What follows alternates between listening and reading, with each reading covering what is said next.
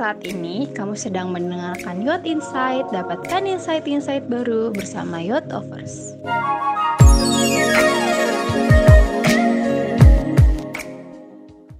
Halo teman-teman Youth Offers, gimana kabarnya masih sehat kan?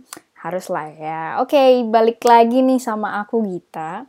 Tapi mungkin kali ini podcastnya akan sedikit berbeda daripada podcast-podcastku sebelumnya aku pengen lebih apa ya ngangkat tema yang lebih santai aja karena kan kemarin sebelumnya kita udah ngebahas yang misalnya magang dan lain sebagainya kali ini aku pengen ngangkat tema tentang produktivitas oke okay? ningkatin bagaimana cara kita bisa meningkatkan produktivitas kita nah teman-teman keadaan pandemi seperti ini tentunya memaksa kita untuk tetap berada di rumah.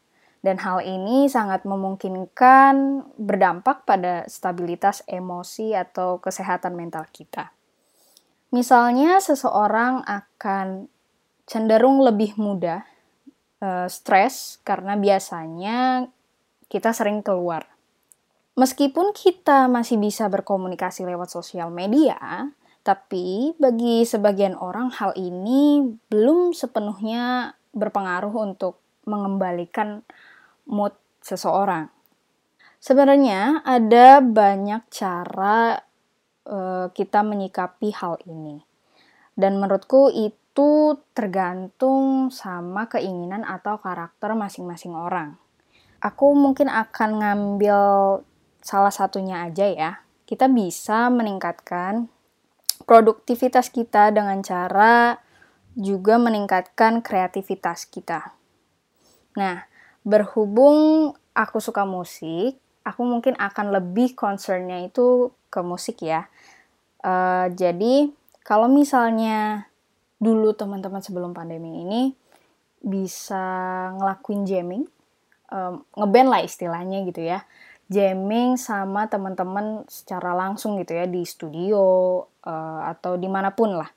Nah tapi kan kalau kondisi seperti ini nggak bisa ke mana-mana gitu. Bagaimana caranya kita untuk stay in a good mood tapi kita juga nggak melanggar aturan yang ada untuk tetap di rumah. Nah kita bisa ngelakuin dengan cara jamming online. Aku rasa kalau sekarang ini udah udah banyak ya yang jamming online seperti itu.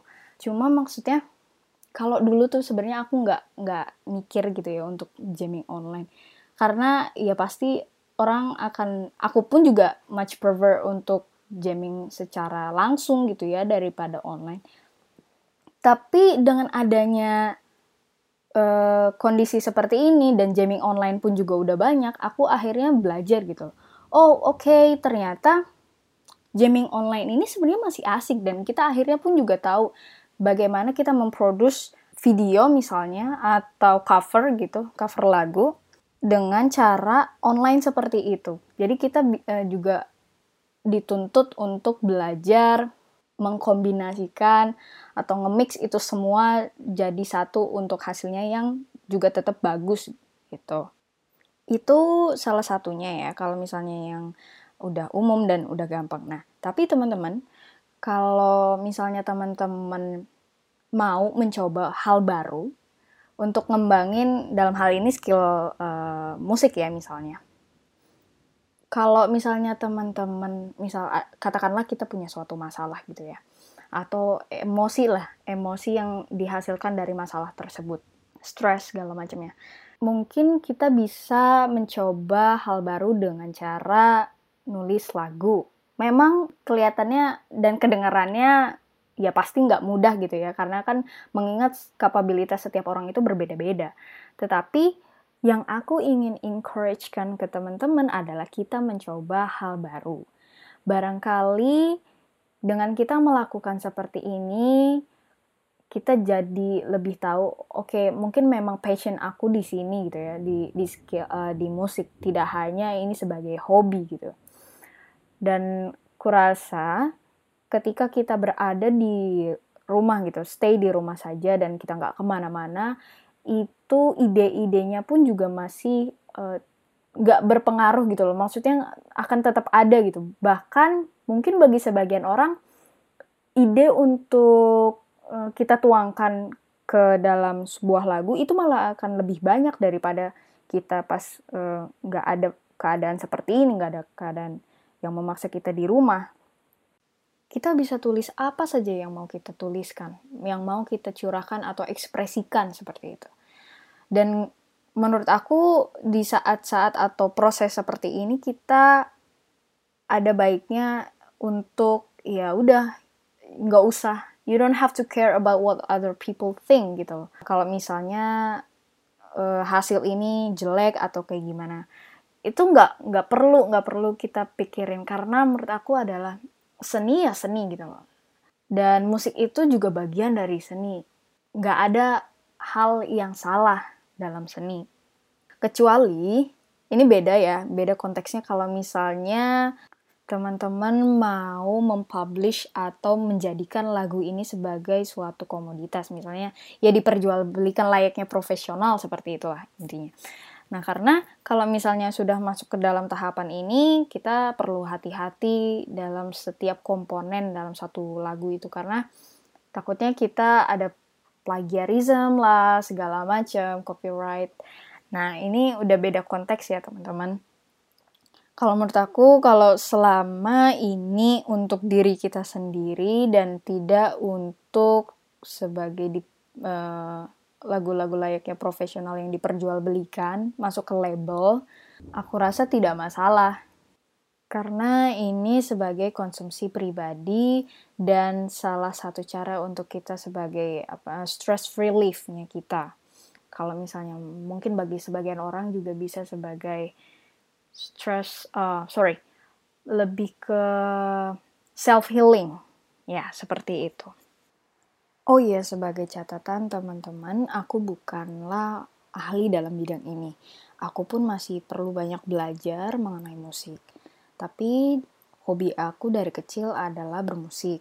Dan aku juga beberapa kali menggunakan metode ini sebagai maksudnya metode untuk berusaha menulis lagu dan lain sebagainya ini sebagai cara aku untuk menurunkan stres atau emosi yang ada dalam diri aku.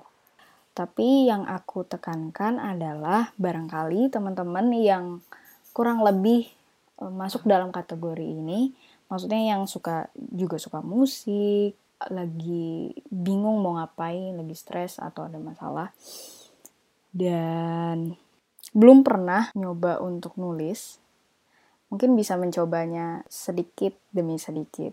Memang itu tidak mudah. It takes time but don't force yourself. It's all about the process. Even the process itself it's art. For me ya. Oke, okay, akhir kata jangan jadikan keterbatasan akibat pandemi ini sebagai penghalang kita untuk tetap berproduktif. Kita bisa melakukan banyak hal yang kita sukai, misalnya mungkin hobi kalau teman-teman juga suka main musik atau hal-hal lainnya. Dan satu lagi teman-teman, jadikan waktu banyak waktu luang ini sebagai sarana kita untuk meningkatkan kreativitas kita. Mungkin itu yang bisa aku sampaikan ya, teman-teman. Akhir kata, mohon maaf bila ada kata yang kurang berkenan di hati teman-teman. Aku Gita, pamit undur diri dan selamat berkarya.